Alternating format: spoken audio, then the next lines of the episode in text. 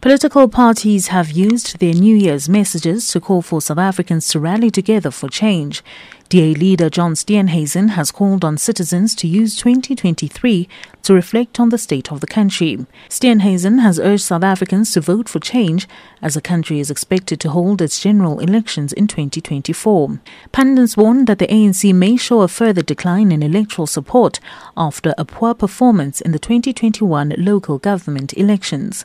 In his New Year's message, the leader of the official opposition says the electorate is able to reduce the high levels of crime and elect a capable government through the ballot.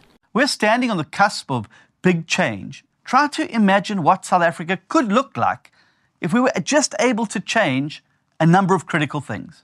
If we were to reduce our high crime numbers, if we were to bring down the cost of food, if we were to direct all the resources and budget of the state towards delivering services, if we were to prioritize our children's education, safety, and nutrition, if we were to build a state with qualified people capable of actually delivering all of these things. It is all possible. We can achieve all of this. So let us use this year to visualize what it is we want for our country and then make it real through our vote. The UDM has called for law enforcement agencies to strengthen their efforts in fighting corruption in 2023. The party warns that failure to hold those who plunder state resources accountable will compromise the economy. The UDM has been vocal in its calls to eradicate corruption, calling for investigations into President Cyril Ramaphosa over the Phala farm saga. It's expected to intensify efforts to get answers from the president on what transpired at his farm in 2020. UDM leader Bantu Holomisa. May this be a year where there is a closer cooperation amongst the law enforcement agencies to deal with lawlessness and corruption in South Africa so that our economy can find its way back. Because as long as we don't prosecute those who are stealing government monies, we must forget that we will ever again see prosperity in this country. Have a blessed and prosperous new year. The Congress of the People, or COPE, has called for more arrests in relation to state capture in the new year. Last year saw Chief Justice and State Capture Commission Chairperson Raymond Zondo hand over all installments of the report to the President.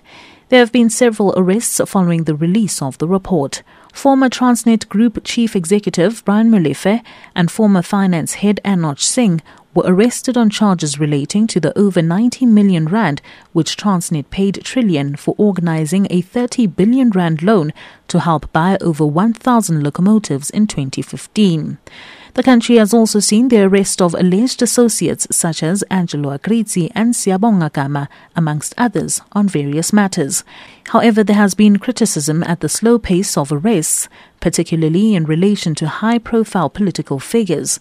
COPE spokesperson is Dennis Bloem. We want to see that President Ramaphosa implement the Zondo Commission's recommendation. We want to see action. We want to see that all those fingered in the Zondo Commission's report be arrested and sent to jail. We want to see them in orange uniform.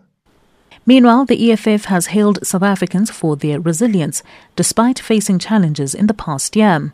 The party says some of the challenges that face the country include high unemployment levels, increases in food and fuel prices, as well as racism and high levels of violence against women and children. Spokesperson Leanne Mateus. The Economic Freedom Fighters wishes you a prosperous 2023 that is defined by economic freedom and justice for all African people on the continent and in the diaspora. The year 2022 was filled with the continued hardship for Africans. Our unemployment levels here in South Africa continued to be the highest in the world the cost of living became unbearable as food and fuel prices increased. Racism and violence by men against women and children remained persistent. The ANC has, however, vowed to intensify its efforts in creating a better life for all South Africans in the new year. This year, the party will celebrate its 111th birthday in Bloemfontein in the Free State, where its newly elected top seven are expected to convene. The ANC's January 8 statement is often used to set the tone for the party for the year. The party says the task of creating decent living conditions for South Africans will require members to unite. Party spokesperson Bule Mabe. As we welcome the start of 2023 and to mark 111 years since the existence of our glorious movement, the African National Congress, we commit to increasing the pace of renewing our movement to serve our people faster, better, and effectively. The task ahead requires that we foster unity both in action and in deeds. In 2023, we'll once more redouble our efforts to realize the noble promise of a better life for all. Political parties already have their sights set on the general elections in 2024 in the hope of further eroding support for the ANC. Last year saw opposition parties rally together against the ANC in an attempt to have the president impeached, and it seems this year may be no different. I'm Zoleka Kodashe in Johannesburg.